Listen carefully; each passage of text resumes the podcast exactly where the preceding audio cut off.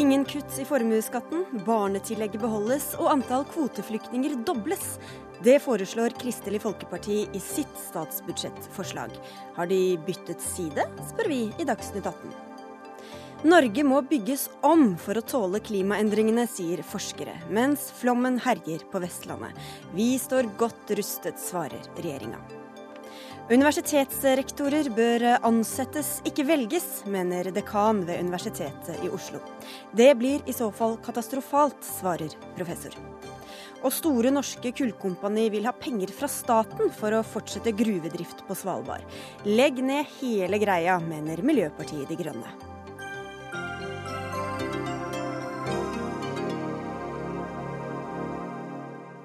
Vel møtt til ukas siste sending i Dagsnytt 18 på NRK P2 og NRK2, hvor vi også spør hva som er poenget med å ha reklameforbud for alkoholfritt øl. Jeg heter Sigrid Solund. Formuesskatten kan ikke kuttes. Barnetillegget for uføretrygdede må beholdes. Så også Den kulturelle spaserstokken. Og antall kvoteflyktninger skal dobles. Det er blant prioriteringene i Kristelig Folkepartis alternative budsjett, som dere la fram i dag. Hans Olav Syversen, du er finanspolitisk talsperson i KrF. Velkommen. Takk for det. Det kan jo høres ut som om det egentlig er venstresida dere bør samarbeide med, og ikke Høyre og Frp? Eh, da tror jeg man må se litt nærmere etter i budsjettet.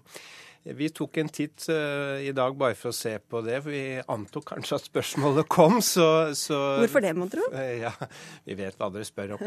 Nei, men, men poenget er at uh, da de rød-grønne la fram sitt siste budsjett, så flyttet vi omtrent like mye penger Eh, i vårt alternativ som vi gjør eh, i år, med et blått budsjett. Og det betyr vel at vi ligger der vi skal, i, i sentrum. Dere er li like glad i begge alternativene, da?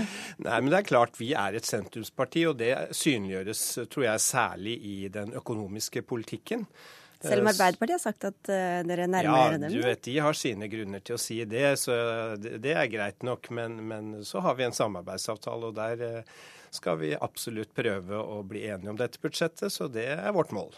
Hvor store forskjeller vil du si at det er på det budsjettet dere legger fram, og det forslaget som regjeringa har lagt fram? Ja, det er forskjeller, det vil jeg absolutt si. Og, det er forskjeller både når det gjelder den grønne innretningen, den sosiale innretningen. Og vi har også en sterk skolesatsing eh, på, på de laveste trinnene for å styrke lærerne og dermed også elevene, til at man kan ta tak i utfordringer tidlig. Det tror vi mange vil tjene på.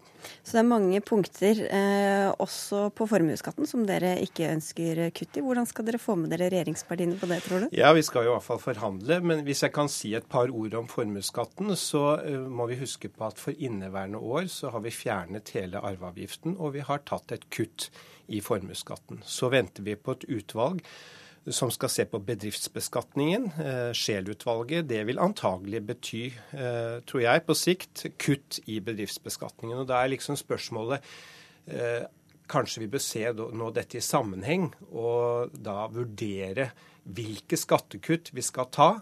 Og da kan vi ikke bruke opp alt på en gang. Heller ikke Venstre vil kutte like mye i formuesskatten som regjeringspartiene, kan vi lese på VG-nett. Eh, Terje Breivik, du er finanspolitisk talsperson i Venstre. Hvor mye overlapp vil du ellers si det er mellom KrFs alternative budsjett og det dere legger fram på mandag? Nei, Først eh, gratulerer til KrF og Hans Olav med, med, forslaget. Jeg vet det er et omfattende og krevende arbeid som ligger bak. Eh, det er heller ikke tvil om at eh, det forslaget som KrF presenterer i dag, ligger betydelig nærmere det Venstre kommer til å presentere på mandag, enn det regjeringen gjorde for tre uker siden. Men hva er det du er litt skuffa over som ikke du kunne skrevet under på, da?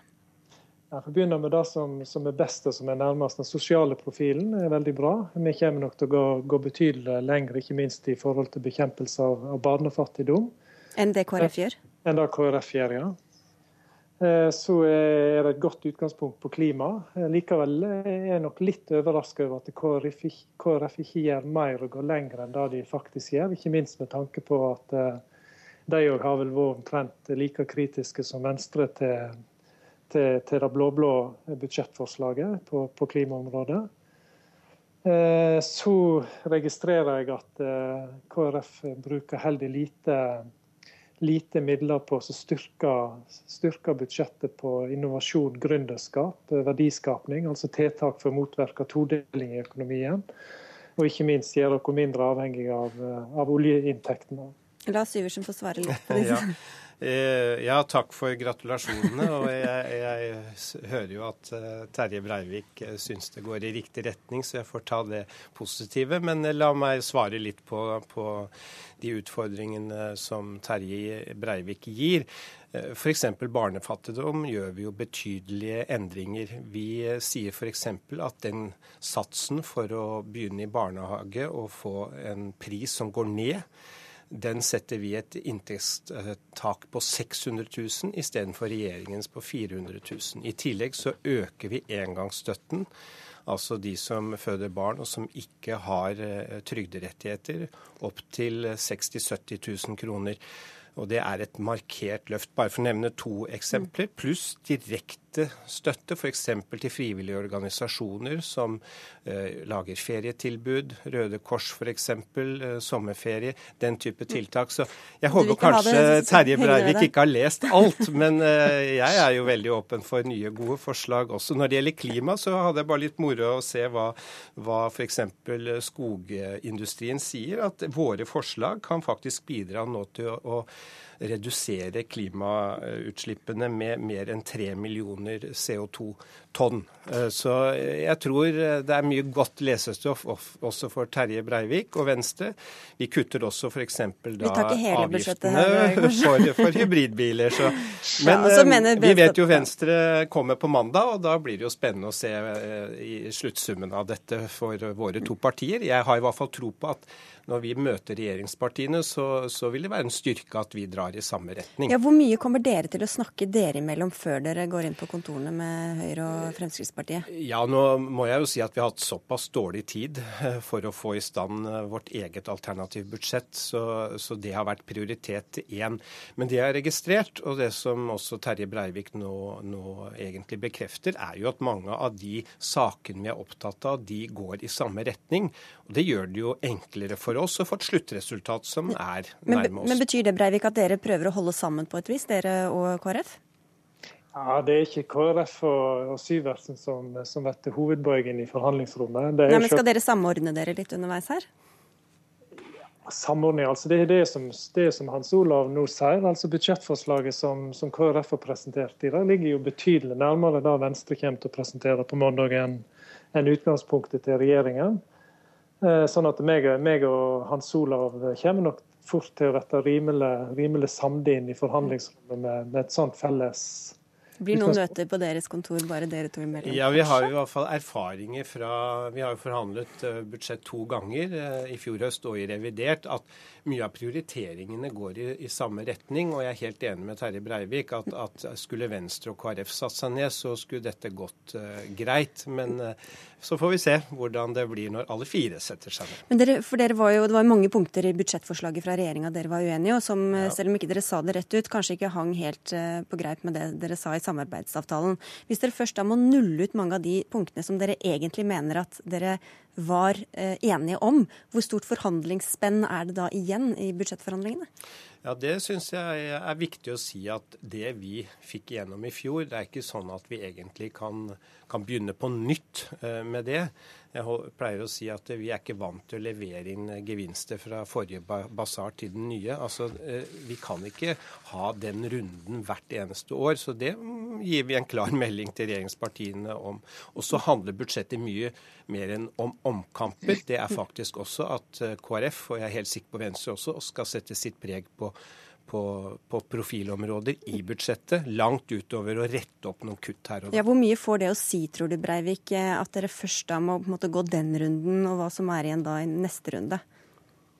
Nei, det får nok betydelig innvirkning på forhandlingene. For det er klart, Nå, nå stiller vi jo i utgangspunktet med ei lang liste med, med regelrette omkamper. Altså ett steg fram, to tilbake.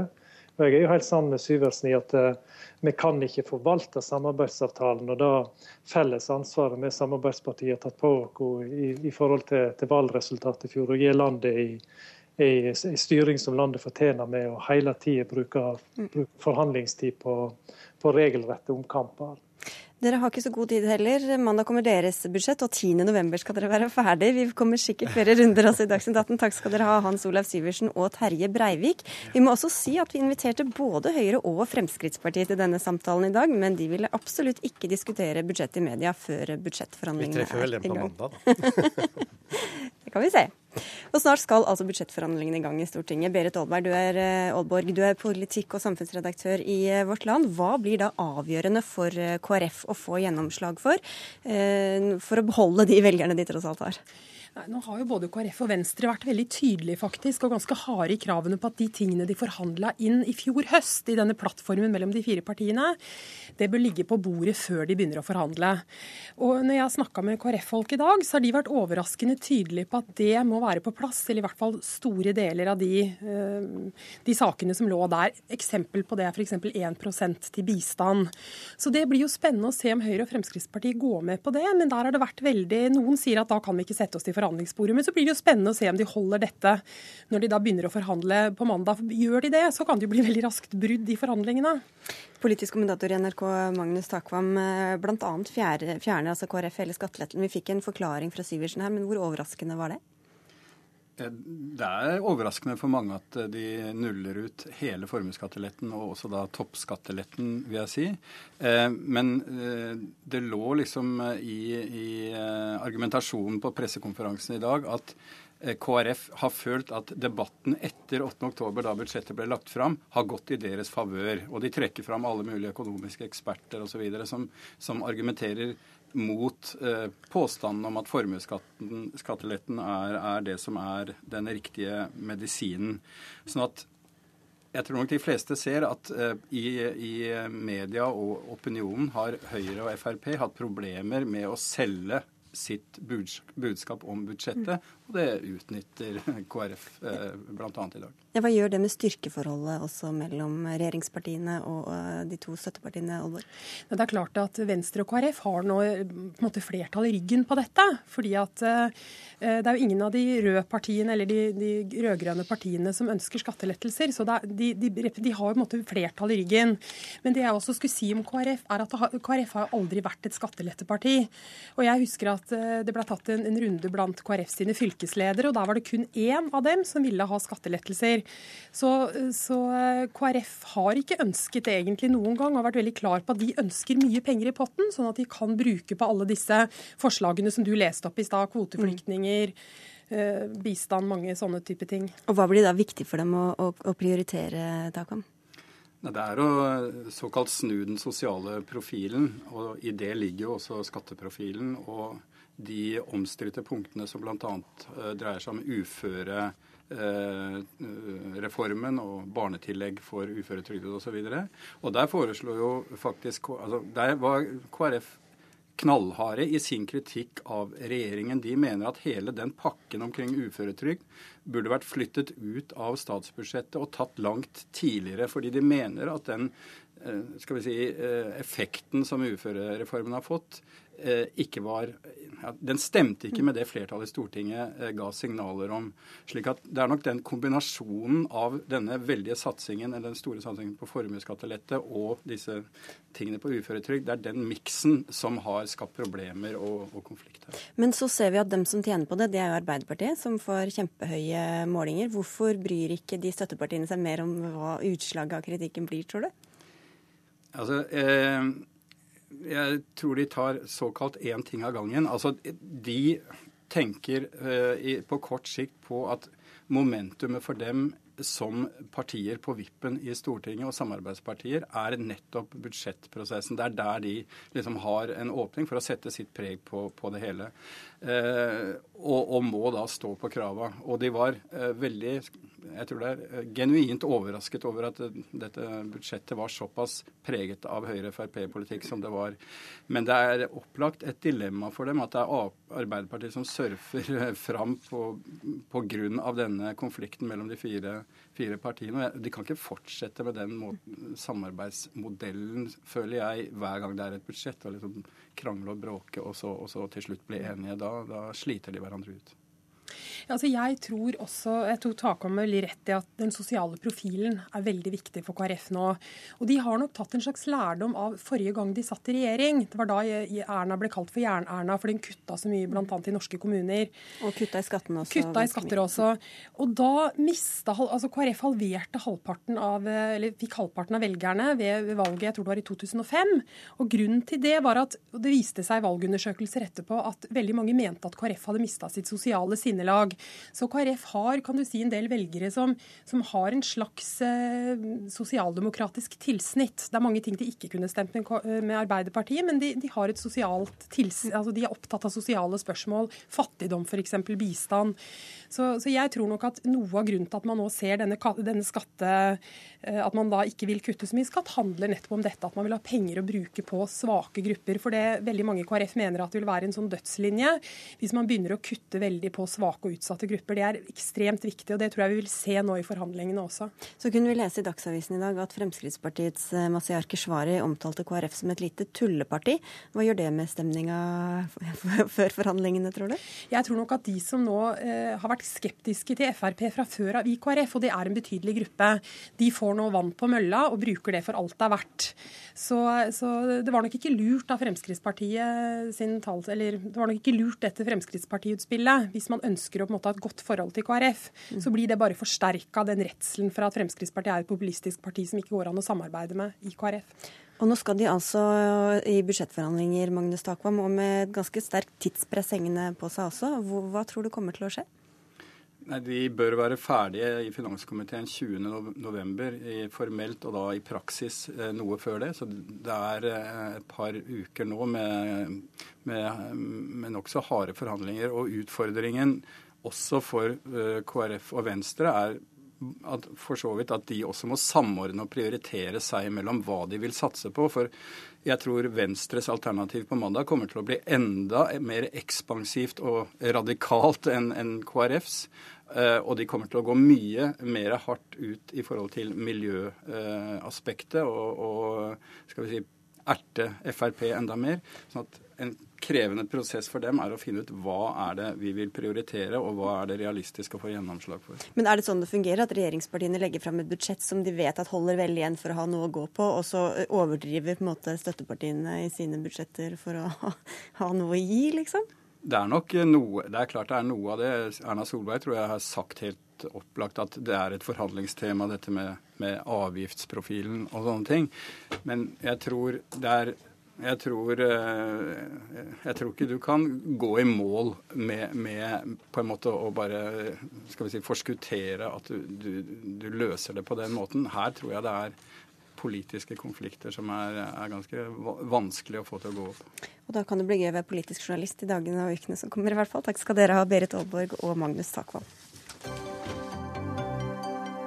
Dagsnytt 18 alle hverdager kl 18.00 på NRK P2 og NRK2.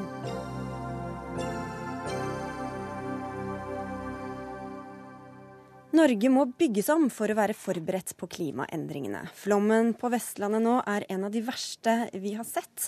Og hus, veier og jernbanestrekninger må sikres mye bedre, eller rett og slett flyttes, for å være forberedt på endringene som kommer, mener en forsker vi snart skal snakke med. Men først til deg, professor Helge Drange ved Bjerknessenteret for klimaforskning. Hvordan stemmer den flommen og nedbørsmengden vi ser nå, med det klimaforskerne har sagt at kommer til å skje? Ja, altså Vi ser jo for det første at eh, både lokal temperatur og global temperatur øker. Og vi ser også det at nedbørsmengdene øker. Og For Norge generelt så har gjennomsnittlig nedbør økt med ca. 20% i dette århundret. Og ekstremnedbør, det er da store nedbørsmengder på kort tid, har økt med sånn rundt 30% Og det er i tråd med det som er uh, forsket på eller spådd, for å bruke et ja, Litt ord? Ja, riktig. Dette er som vi forventer, og hovedårsaken til dette er menneskeskap, menneskeskapt klimaendring. Så det er det at vi putter mye spesielt CO2 i atmosfæren som fører til disse endringene. Og Du sier til Bergens Tidende at eh, flere steder i landet har det ikke vært varmere siden vikingtiden enn det det har vært i år. Hvordan kan vi vite det? Ja, Vi har jo målinger som går tilbake. For Oslo så går de tilbake til 1837, og for Bergen 1862. Og så har vi andre måleserier som går enda lenger tilbake. Og før dette da, så var vi inne i den vesle istid, og da vet vi at det var kaldt. Og Det som er veldig spesielt med 2014 til og med september, altså januar til september i år, det er det at vi ligger an til å slå alle rekorder når det gjelder temperatur for Norge som sådan og for alle landsdeler, bortsett fra Nord-Norge, som får en, et varmt år, men ikke eksepsjonelt varmt år. Du er selv inne på at istider har eh, kommet og gått, og klimaet har endra seg eh, gjennom årene. Hvordan vet du at det ikke bare er naturlige variasjoner du ser når vi nå er tilbake på vikingtid-varmestadiet? Ja, riktig. Altså Det som skjer i dag, det er global oppvarming, og det er korrekt, og det, det er viktig å, å legge merke til her. Og Norge er en del av dette eh, mønsteret. Eh, går vi tilbake til vikingtiden for la oss si 1000 år siden, så vet vi at det var eh, nokså mildt i nordlige deler av Nord-Atlanteren. Men det var ikke et globalt signal. Så det som skjer i dag, det er det at eh, jorden blir varmet opp, og da må det være en varmekilde. Og det er ikke solen. Vi vet at solintensiteten avtar litt. Men det som skjer, er det at økende innholdet av klimagasser i atmosfæren de fanger den varmen som ellers skulle gått ut i verdensrommet. Og Følgelig så stiger temperaturen, og når temperaturen stiger, så kan luften holde på mer fuktighet. og Følgelig så får vi mer nedbør. Og denne flommen nå på Vestlandet jager folk fra hjemmene sine. Er det en øvelse de må bli vant til, tror du? Ja, altså vi tror eh, altså, ja, Det som vi ser for oss, er at ekstreme nedbørshendelser vil øke med et sted mellom 30 og 70% i løpet av dette århundret. Og Hvis vi da tenker på at vi skulle ha fått 50% mer nedbør disse tre dagene på, på, Vestlandet, så hadde situasjonen blitt langt verre. Og eh, Det er ikke bare vestpå vi ser dette, her, vi ser det også øst for Langfjellet og Går vi til vårt naboland i sør, Danmark, så har det vært en rekke store nedbørshendelser med flom f.eks. i København. Mm. Det er mange eksempler på dette. Takk skal du ha, professor Helge Drange. Da skal vi gå til deg, Carlo Aall. Du er professor og forskningsleder Vestlandsforskning. Og endringer i klimaet fører til at Norge rett og slett må bygges om, sier du til Dagsavisen i dag. Hva mener du må gjøres? Det, det er tre ting. Først må vi eh, finne ut av problemet. Og det er kanskje der det haster mest. Eh, vi har disse generelle innsiktene som Helge Drange og andre gir oss, men, men, vi vet ikke hvordan dette her i praksis kan ramme samfunnet. Det, men det er ikke noe rocket science å finne ut av det. Men, men, det er ikke kapasitet til å gjøre det enda. Og det andre vi da sannsynligvis må gjøre, er å beskytte samfunnet. Da eh, vi har funnet ut hvor ille det er. Og det tredje er at vi kanskje må bygge om samfunnet. Og du sier at de nasjonale politikerne sover og kaller bevilgningen i statsbudsjettet til klimatilpasningstiltak for lusekroner. Hva bør de gjøre da, økonomisk og strukturelt, mener du? Ja, det, det enkleste er å følge opp det utvalget som eh, regjeringen i sin tid oppnevnte om klimatilpasning, som da fikk en stortingsmelding som ikke plukket opp de anbefalingene. Og det er å starte med øremerkede overføringer til særlig små og mellomstore kommuner, som, som, trenger mer kapasitet for å analysere fare for eh, klimaskade. Eh, og så når man har det bedre på bordet, så kan man begynne å diskutere disse store ombyggings- og, og, og, beskyttelsestiltakene. Og så må man selvfølgelig ikke glemme at grunnlaget er at vi må redusere utslippene. Det må også skje. Vi har ringt til mange departementer i dag, og de fleste viser til hverandre. Men eh, velkommen til deg, Lars Andreas Lunde, du er statssekretær i Klima- og miljødepartementet. Dere sover, sier Aall. Hva skal til for å vekke dere? Nei, da, Vi er nok eh, ganske våkne. Jeg vil vise til at eh, bevilgningene til forebygging av, av flom, som jo er den si mest konkrete utslag av klimaendringene har jo blitt doblet uh, siden 2009 uh, med det forslaget som regjeringen nå har lagt frem til statsbudsjettet, hvor vi øker bevilgningene med, med 40 millioner kroner i, i, forhold til i fjor. I tillegg kommer det også en ekstrabevilgning i revidert nasjonalbudsjett i forbindelse med flommene på Østlandet uh, i fjor. Så vi sover ikke. Vi har, øk, vi har økt bevilgningene kraftig. Men, men, det er klart det har det også vært behov for, nettopp fordi at klimaendringene går så mye raskere. Og, og vi, ser, vi ser resultatene av det også så, så, mye raskere enn det vi trodde bare for noen få år siden. Eh, I år har FNs klimapanel kommet med, med flere nye rapporter som viser at klimautfordringen er nok enda mer alvorlig eh, enn vi tidligere har trodd, som også Helge Drange var inne på her nå. Om et par dager så kommer, kommer FNs klimapanel med en oppsummering av disse rapportene, så vil vi også da virkelig få på bordet hvor, hvor alvorlig klimaendringene er. Men her er det penger i fullt monn, skal vi høre, vi, Aall? Ja, vi begynner vel kanskje å nærme oss å ta igjen etterslepet etter hvordan dagens klima, eller kanskje til og med gårsdagens klima, påvirker oss. Men, men vi har jo ikke begynt på jobben med å tilpasse oss det klimaet som kommer.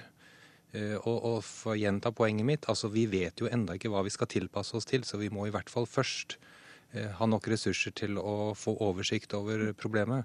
Og, og problemet her igjen da, er at det er en, en svarteperspill på gang. Og, og, internasjonalt, som i Norge, så er det en sånn forestilling at klimatilpassing det er noe som kommunene må ta seg av, fordi på en måte det manifesterer seg lokalt.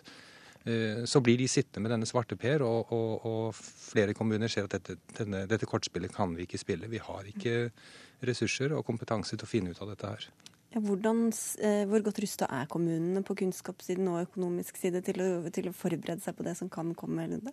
det? kan nok være, være, litt ulikt, men jeg vil si at det er ikke bare kommunene som, som har et ansvar. Eh, alle sektorer har et ansvar for sitt område. Men tar alle det ansvaret, da? Er vi rusta til, til, å møte det som kan komme? Eh, det, det, klimaendringene har gått såpass raskt at uh, jeg tror nok at det er kommet litt overraskende på de fleste. Og svaret er nei, egentlig? Svaret er nok nei, sikkert også kommunene. Uh, nå har det blitt gjort en kjempeinnsats i de kommunene som har blitt rammet på Vestlandet uh, i, i, disse dagene. Uh, antakeligvis mye mer enn man kunne forventet, og mange har gjort en helt ekstraordinær innsats.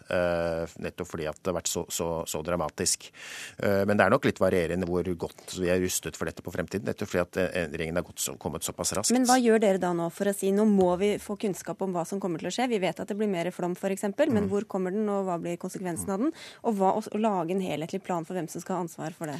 Eh, ja, Her er det jo som sagt ulike sektorene har, har, har, sitt sektoransvar. Eh, kommunene har ansvaret for å planlegge arealene innenfor sin kommune, slik at boliger og andre utbygginger skjer på et område hvor det skal være trygt. Så har vi i Klima- og miljødepartementet et ansvar for å bidra til kunnskap, slik at kommunene har den nødvendige kunnskapen, slik at de kan gjøre dette arbeidet. Men du sier at de ikke har den kunnskapen, da? Eh, de, får, de har betydelig kunnskap, vi, vi, og, og, og, vi bidrar jo nettopp for at kommunene bistår kommunene med å få den, den kunnskapen. og vi jobber også nå med en såkalt statlig planretningslinje, som er en retningslinje for hvordan kommunene skal gjøre den arealplanleggingen, fordi at de kanskje ikke har den kunnskapen til å gjøre det alt det selv. Hvor godt mener du vi er rusta, Aall? Nei, altså Kunnskapen fins. Dette er ikke rocket science, men det er ikke noen der til å bruke den kunnskapen. Eh, vi har jobbet tett med kommuner eh, siden 2005. Flora kommune var den første som prøvde å gripe fatt i dette her.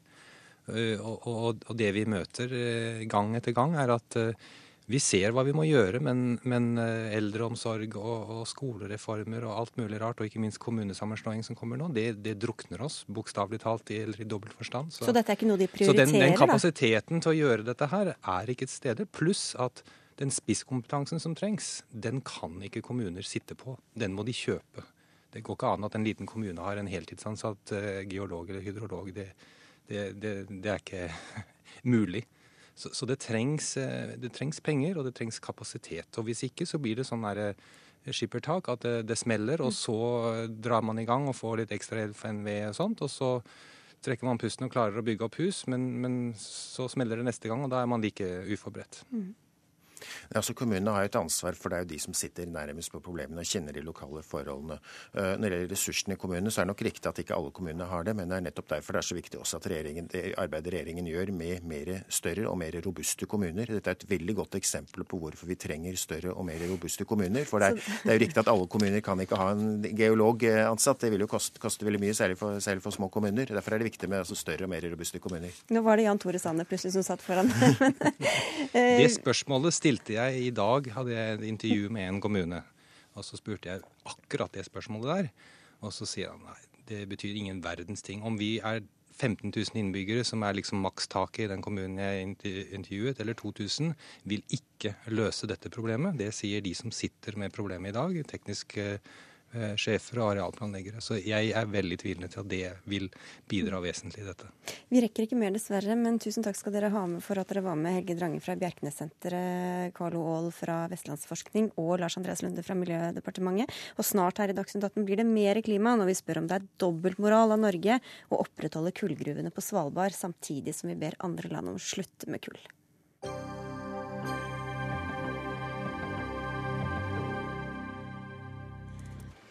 Vi skal til det vestafrikanske landet Burkina Faso, som på Wikipedia blir omtalt som et land med nokså stabilt politisk klima, men det kan se ut til at den artikkelen må skrives på ny. For de siste dagene har landet hatt store demonstrasjoner. Hæren har oppløst nasjonalforsamlinga, og nå har presidenten meldt sin avgang. Morten Bøås, du er seniorforsker ved NUPI. Hvorfor skjer dette nå? Altså, Den umiddelbare årsaken til at dette skjer, er at uh, denne presidenten Blaise Compaore uh, en gang bestemte seg for å begynne å manipulere og tukle for å endre Grunnloven, sånn at han kunne stille til valg nok en gang. Han har allerede sittet ved makten i 27 år.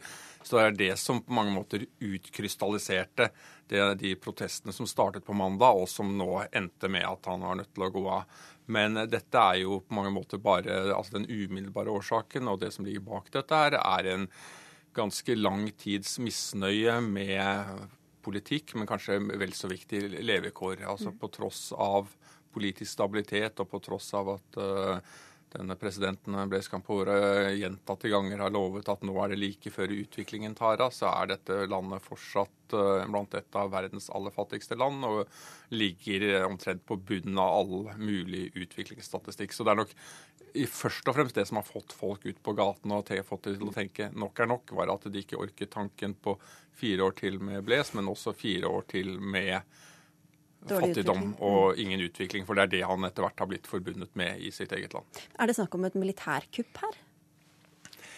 Ja, på en måte så er det jo det. fordi det er jo da det militære som antagelig til slutt i dag trakk han til side og sa at eh, nå må du gå. Hvis ikke så ender du som din forgjenger. Og han fikk eh, to kuler i nakken og ble båret ut. Så sånn sett så er det et militærkupp. Men hvis vi ser på reaksjonene fra omverdenen, både fra Den afrikanske union, som ikke, ikke, har satt i gang noen sanksjoner, som de pleier å gjøre ved et militærkupp, men bare har nøyd seg med å uttrykke sin eh, bekymring for situasjonen, bedt om ro og sendt et team på fire personer til eh, en um, velkjent støttespiller for både Blaise og for Burkina Faso og Frankrike, så er det ingen som egentlig har fordømt dette. her. Jeg tror man ser hele omverdenen at nå var dette styret gått for langt, og det, det, er ikke noe vei tilbake til det. Og at det beste man nå kan håpe på, er en rolig og fredelig overgang, og at man får til en overgangsregjering som representerer hvitt, og som klarer å organisere et nytt valg tidlig, men ikke for tidlig. Hvorfor er det viktig du sier eh, å, å favne hvitt? Er det snakk om, Kan det bli opprør og bruduljer blant folkegrupper, eller? Det er klart det kan bli bruduljer her. For dette er jo en, eh, da en president som har sittet ved makten i 27 år. Han har holdt seg ved makten ikke fordi han har nødvendigvis vært eh, kontinentets mest blodtørstige diktator, det har han ikke gjort. Han har holdt seg ved makten gjennom valg, gjennom å tukle med valglover, gjennom å bruke presidentembetet og alt det har av makt og penger penger til å kjøpe seg støtte, manipulere motstandere bort. Og det er klart at Dette har skapt også noe bitterhet eh, mellom, eh, mellom ulike grupper. og det I det maktvakuumet som nå oppstår når på mange måter altså den det som Han har jo omtrent blitt landsfaderen når han har sittet så lenge er borte. Så har vi jo sett fra andre land, både i Afrika og andre steder, at det kan føre til uro. Så det er nok nødvendig nå at det er brede konsultasjoner, og at alle parter trekkes inn i denne overgangsregjeringen, og også Blaise Campores eget politiske parti. Kan det også skape uro utenfor landegrensene, hvis det har vært et såpass stabilt eh, land i et litt ustabil region? Ja, det kan det absolutt gjøre. Altså det siste, denne Sahel-regionen som Burkina ligger i, altså som da inkluderer land som Mali, Niger og også deler av Libya. Det, altså det siste denne regionen trenger, er nok et ustabilt land, nok et land som mister kontrollen over sine grenser. Og I tillegg så har eh, Blaise Campaore vært en ganske viktig aktør i regionen. Det er nettopp derfor han har fått så mye støtte både fra USA og Frankrike. Han mens han tidligere var brukt for å støtte opprørsgrupper, så har han i de siste 10-15 årene vært en viktig aktør i mange fredsforhandlinger og stabiliseringsprosesser. Du, Morten Bøes, takk skal du ha for at du kom og snakket om Burkina Faso i Dagsnytt 18 i dag. Takk.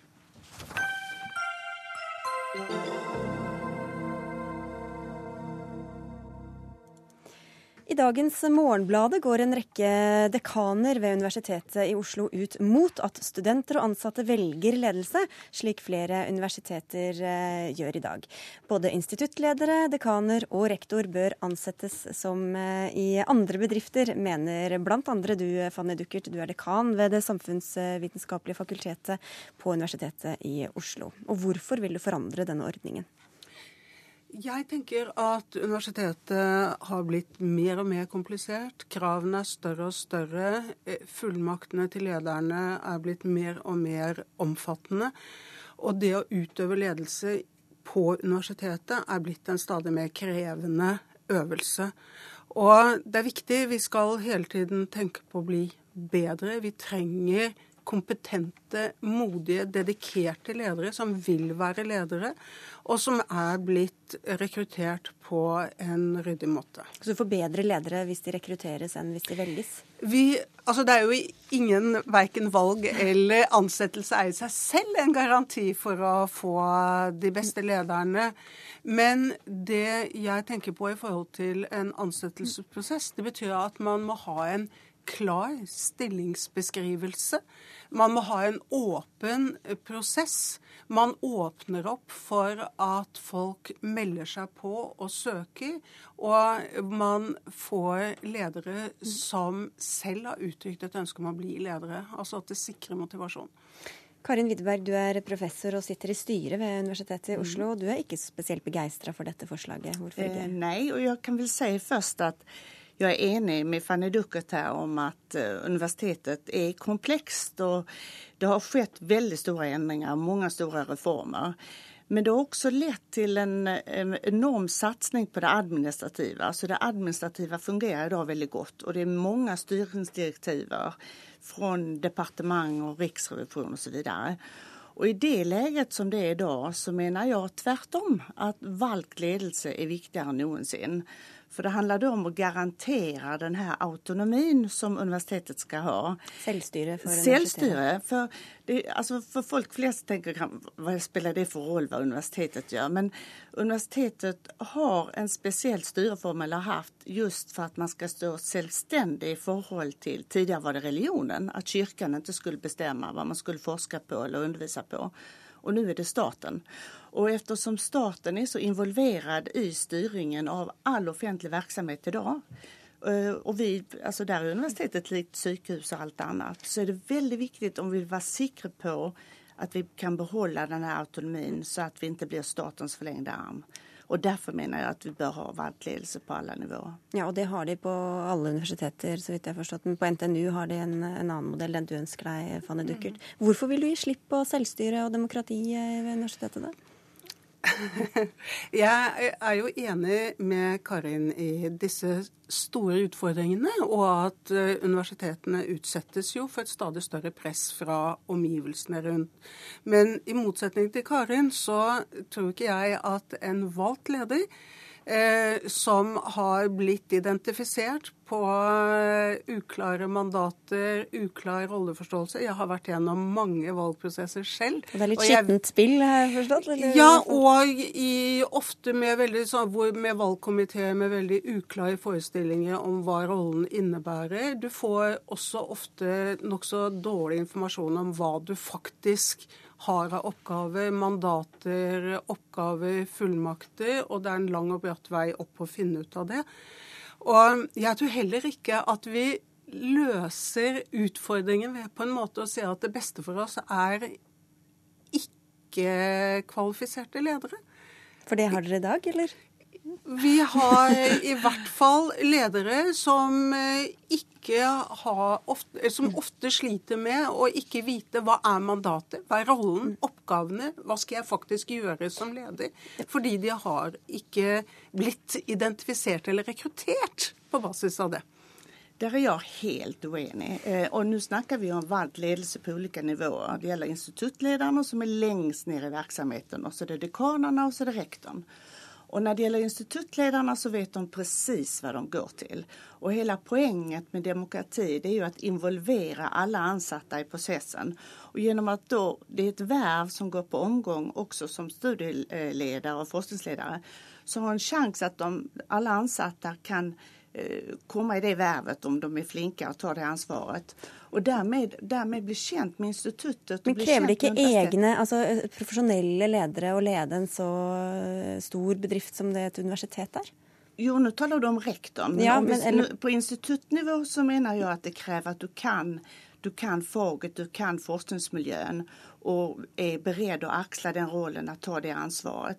Så där menar jag att det är jätteviktigt och har vi valgt ledelse på instituttledernivå så garanterar vi att vi får folk som engagerat och förstår universitetet. Alltså det blir en koppling där. Mm. Och när det gäller rektorn så vill jag säga att rektorn är universitetets utrikesminister också, alltså väldigt mycket. Och att han, som vi, vi har ju en rektor Oslo idag, Olle, Olle Petter Ottesen, så att han kan stå fram och bära den här rollen av värna om autonomin och den akademiska friheten. Just idag menar jag det är extremt viktigt och vi har sett att jag menar han gör en kjempegod jobb där.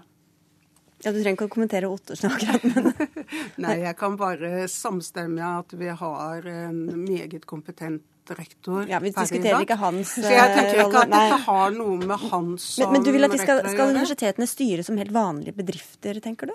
Nei. Det tenker jeg overhodet ikke. Jeg bare er opptatt av at ledelse i akademia er en stor og krevende jobb som jeg er slett ikke overbevist om at enhver forsker eh, har innsikt, kompetanse eller motivasjon til det. Og vi har jo også en problematikk i forhold til at du skal ut av en jobb du velges av dine nærmeste. Du blir ikke engang valgt av ganske mange av dem, fordi at valgoppslutningen er svært svak. Så universitetsdemokratiet kan jo innimellom være ganske haltende. Og jeg vet mye om de uklare prosessene. og at folk som kommer inn i nye lederstillinger, slett ikke har noen klar forståelse av hva de skal gjøre. Du får ta en kort kommentar på det til slutt. Eh, altså jeg mener For meg er den prinsipielt viktigste forskjellen at en ansatt leder, uansett nivå, står ikke til svars for den faglige miljøen han kommer ifra, utan man står til svars innenfor, så att säga, i dette fallet en ansatt rektor ville stå til svars innenfor styret. Och styret är ju alltså, eh, styret domineras ju inte av de fagligt vetenskapligt anställda utan det är ju externa representanter. Och det handlar då om departementen utser dem. Så att detta är ju då att inbjuda till att så att säga myndigheter och staten spelar en større roll. Og dette er altså en debatt ved Universitetet i Oslo også, tror jeg, på det andre universitetet rundt omkring i Norge. Takk skal dere ha for at dere tok den i denne omgang, Fanny Duckert og Karin Widerberg, begge fra Universitetet i Oslo. Hør Dagsnytt 18 når du vil. Radio NRK Radio.nrk.no.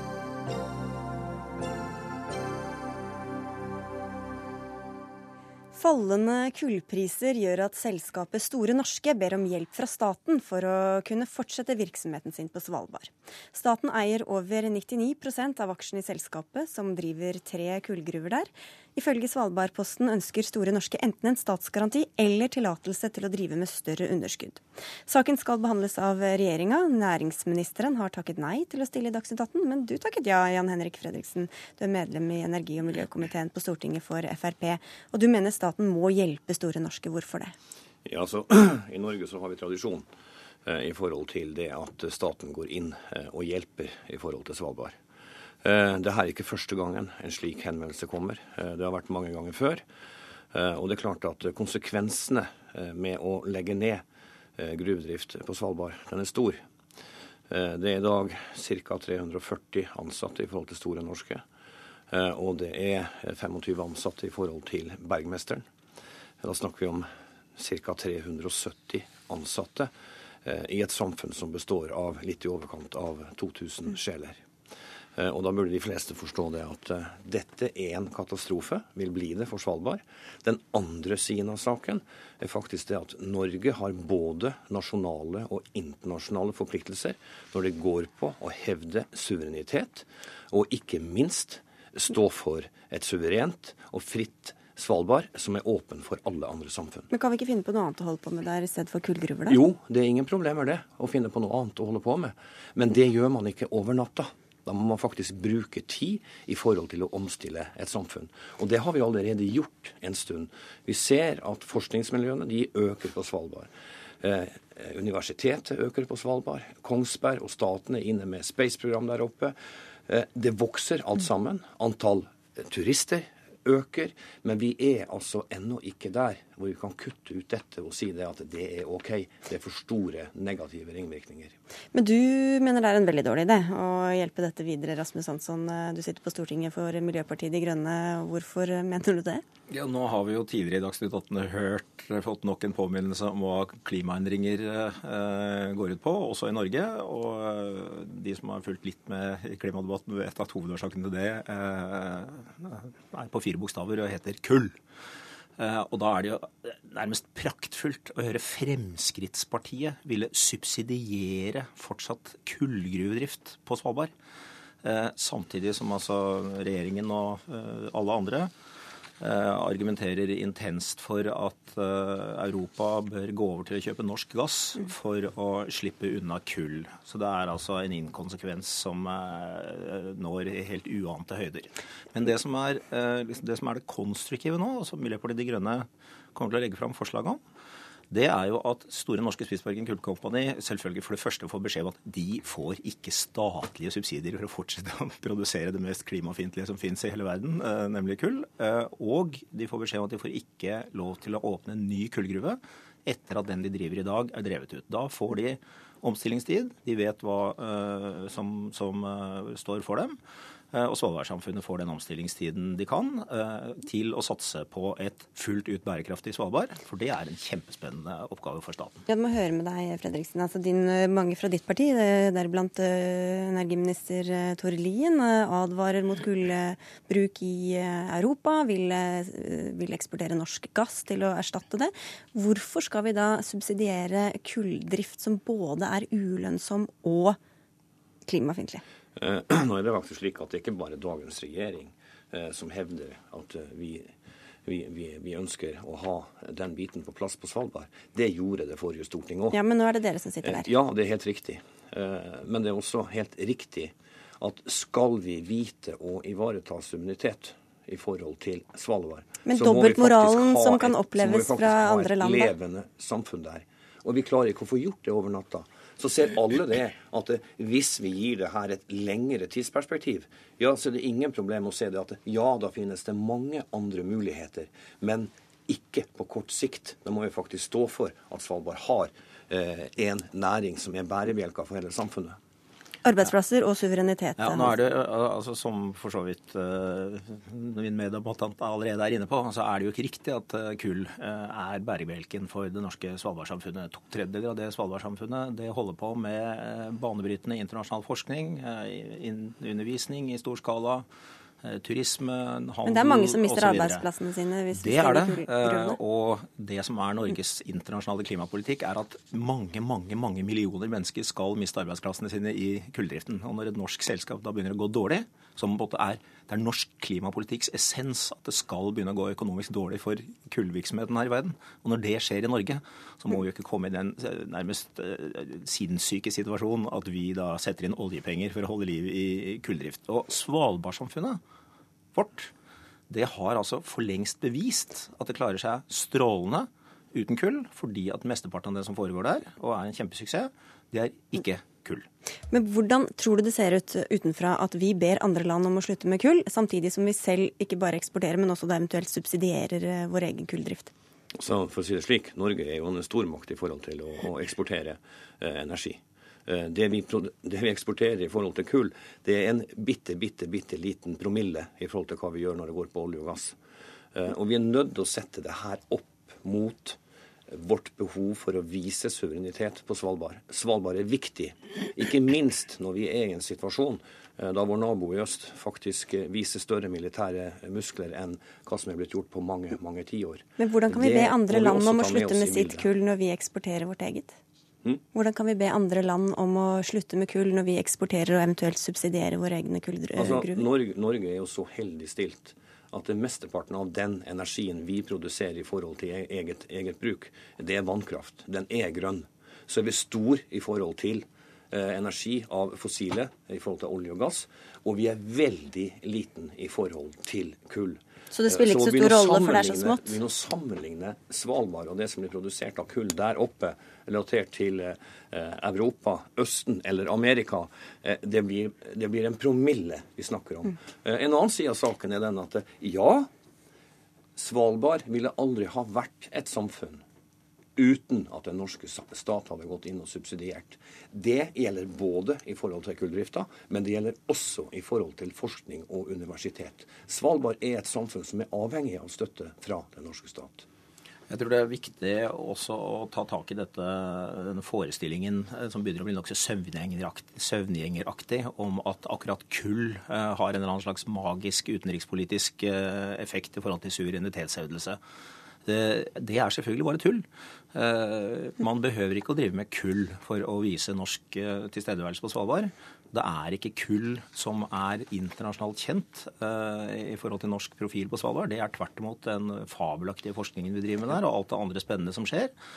Og Det betyr at det er det vi profilerer oss på. Det er det vi markerer suvereniteten gjennom. Og Derfor så eh, håper jeg Fremskrittspartiet vil hente fram litt god, gammel Fremskrittspartipolitikk. Eh, la være å subsidiere statlige bedrifter. Særlig når det er stikk i strid med den, frems, den klimapolitikken som Fremskrittspartiet nå er en del av i regjering. Vi stopper der, da. Takk skal dere ha for at dere var med i Dagsnytt 18.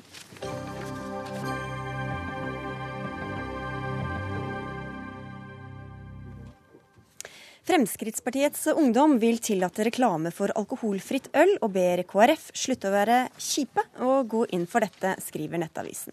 I dag er det bare lov å reklamere for alkoholfrie ølmerker som ikke også fører alkoholholdig øl, som Munkholm eller Klausthaler, mens det er forbudt å reklamere for vanlige ølmerker som også har alkoholfrie varianter, som Ringnes eller Hansa f.eks. Men dette vil dere gjøre noe med, Atle Simonsen, du er formann i Fremskrittspartiets Ungdom. Og hvorfor Hvorfor eh, ber dere nå KrF om å snu her? Dette er et forslag som er bra for norske forbrukere, for de får større valgfrihet. Bryggeriene får flere bein å stå på. Og ikke minst eh, så bedrer det folkehelsen med at det blir mindre misbruk og eh, bruk av alkohol. Nå er det sånn at Alkoholfritt er den eneste typen øl som, som, har, som har, oppgang i Europa, mens Norge er, er skikkelig sinka der med bare 3,5% av markedet, mens Spania har 12 Mer ungdom drikker alkoholfritt. Eh, antall dødsulykker i trafikken går ned. Og Det er fordi de har lagd eh, øl der, og de store ølmerkene de som er de, beste der, har lagd eh, gode varianter som smaker øl og ikke øl med, eller brus med ølsmak, som, som, gjør at det blir et reelt alternativ. Men hvordan vet du at, et, eh, at å oppheve reklameforbudet hadde ført til at flere ville valgt det? da? Problemet er jo at, eh, at eh, man, det er veldig mange bryggerier i Norge i dag som lager alkoholfritt øl. Men de får ikke lov å fortelle det til noen. Så de ser ikke poenget sånn kommersielt i å lage, utvikle andre øl? Nei, altså det, du har, du har Ring, altså Ringnes Eide Munkholm og Klausdaler, som har 98% av markedet. Selv om det finnes veldig mange andre. Men det, det blir umulig for de å komme gjennom hvis de ikke får lov engang å fortelle eh, forbrukerne at de holder på å lage et, eh, et alkoholfritt øl. Og jeg tror at den dagen Nøgne Skinn bryggeri og de, de virkelige kvalitetsbryggerne får lov å satse på dette, så er det et uløst potensial som vil bli tatt i Norge. Og da vil vi òg få ta del i den revolusjonen der, som er bra for folkehelsen. Olaug Bollestad, du er helsepolitisk talsperson og blir fridd til her. Er det aktuelt for dere å endre standpunkt? Nei. og det som er viktig for oss, det er å si at mange av disse firmaene, enten det er Ringnes eller hvem det måtte være, eh, så har de sitt krav til, til reklame. Det er helt eh, sant som han sier, du må ha lettøl som største, de største bokstavene. Men for folk flest, så, som, eh, som FrPU er opptatt av, så skiller en ikke. Og for KrF så er det viktig å ta hensyn til at det, alkoholforbruk er noe av det største samfunnsproblemet vi har. Men hvorfor tror du at flere ville, drukket, altså ville gått over til å drikke alkohol eh, hvis det blir reklamert for alkoholfritt? Ja, men det er jo fordi en ikke skiller, eh, og det er jo det som er problemstillingen. All forskning viser, og jeg har forhørt meg med forbruksforskning som òg sier at folk skiller ikke desse, dette. Så det som er eh, situasjonen, er at folk vil velge. Eh, en bruker andre former for reklame i dag, med at en f.eks. sier kjøp lettøl eller det er under 2,5 Altså kjøp dette før forspill, f.eks. For eksempel, så er det jo fordi du vil selge noe annet. Da lurer reklame reklame, rett og slett. Ja, og jeg tenker som så at det, da legger vi Jeg hører Katle Simonsen sier, men det vi gjør, vi flytter et fokus og sier at dette er ikke et helseproblem, men det er et næringsutfordring å få selge mer. Men for KrF så er det faktisk viktig å si dette er en helseutfordring for oss, og da må vi ta den utfordringen. Og jeg tror at det ligger en baktanke fra bryggerinæringen. De har ikke en tanke om bare å selge Jeg tror de har en tanke om å selge, selge alkoholfritt øl, men jeg tror òg de har en tanke om å selge noe mer mer enn det. Hvordan, ja, hvordan vet du Simonsen, at ikke de ville valgt Dette som Bollestad kom med her, er regelrett løgn er jo blitt fortalt av Bryggeriforeningen hvordan utviklingen er i Europa. Og det er sånn at det alkoholfritt tar markedsandeler fra alkoholholdig øl. Det betyr at de går fra å drikke alkohol til å drikke eh, ting uten alkohol. Dette vet vi? Ja, dette vet vi. Og du ser utviklingen i alle land. Det er den eneste ølgruppa som vokser, er alkoholfritt. Men altså, når noen som ønsker å satse på alkoholfritt i Norge, er nødt til å kalle ølen for Strutsen eller, eh, eller Konglo eller hva det måtte være for å få lov å selge det, så er det ingen som tør å satse. Eh, og jeg håper jo at eh, dette er noe som ville sørge for at alkoholfritt hadde blitt et alternativ. Som kunne sørge for at de som gjerne vil ta seg en pils på sommeren og, og dra ut i båt, eh, kunne gjort det uten promille, gjort det lovlig. Den utviklingen som en ser i Europa, den stopper Bollestad her. Fordi det er ingen som ønsker å satse på alkoholfritt øl som smaker godt. Mm. Og det er ikke belegg for å si i det hele tatt at dette er en form for snirreklame eller, eller noe annet. Dette handler om å sørge for at de er i stand til å starte opp nye produkter. Og bare for å ta ett eksempel, da. Så hadde du Nøgne Ø, som er et kvalitetsbryggeri, som, som uh, ville starte opp sin egen alkoholfri variant uh, og dele ut på en festival. Da de til, var de nødt til å lage en helt ny logo og designe en helt ny etikett bare for å få lov å gjøre det uten å bryte loven. Og dette regelverket her sørger iallfall ikke for mm. at vi får eh, mer alkoholfritt i, i, i, Norge. Så Derfor vil jeg utfordre Bollestad på én ting. Hvis hun ikke vil gjøre dette, hva vil hun da gjøre for å sørge for at vi òg får ta del i denne utviklingen? KrF er opptatt av at vi skal drikke mer og mer alkoholfritt. Det er det ingen tvil om. Bare ikke øl? Jo, men jeg tror ikke vi trenger å, å drive en aktiv reklame. fordi at Hvis vi driver helseopplysning hva alkohol gjør for, for vårt samfunn Dette gjelder ikke alkohol. Ja, jeg vet det gjelder ikke alkohol, men jeg vet òg at folk kjøper noe annet fra bryggerinæringen òg. Fordi at de faktisk eh, går på reklamen. Og det er det jeg er opptatt av. Men hvorfor vil du ikke gjøre det mer attraktivt for bryggeriene å utvikle nye, spennende alkoholfrie varianter hvis de får reklamere for det, sånn at kanskje flere velger det framfor å kjøpe alkoholholdig øl? Jo, hvis det hadde vært Nå hører jeg at, at Atle sier at det er eh, gjengs ute i Europa, men vi ser den utfordringen som dette gir. og Derfor så sier vi nei til reklame, for vi vil holde fast på eh, eh, reklameforbud. For det er en viktig bit av norsk alkoholpolitikk. Men tror du at noen kjøper øl fordi de liker smaken og ikke nødvendigvis har lyst til å bli rusa, men syns at den alkoholfrie ølen som er å kjøpe i dag, ikke ja, smaker sånn kjempegodt? Ja, det tror jeg. Da, men hvorfor vil du ikke da gjøre, lage et mer spennende varianter av de fordi, fordi, jeg tror på reklameeffekten at den er så stor at du får et større forbruk av andre varer i tillegg. Det har du ikke belegg for å si, Ole. Det er motsatt utviklingen ser. Det går stikk motsatt av det du tror og sier.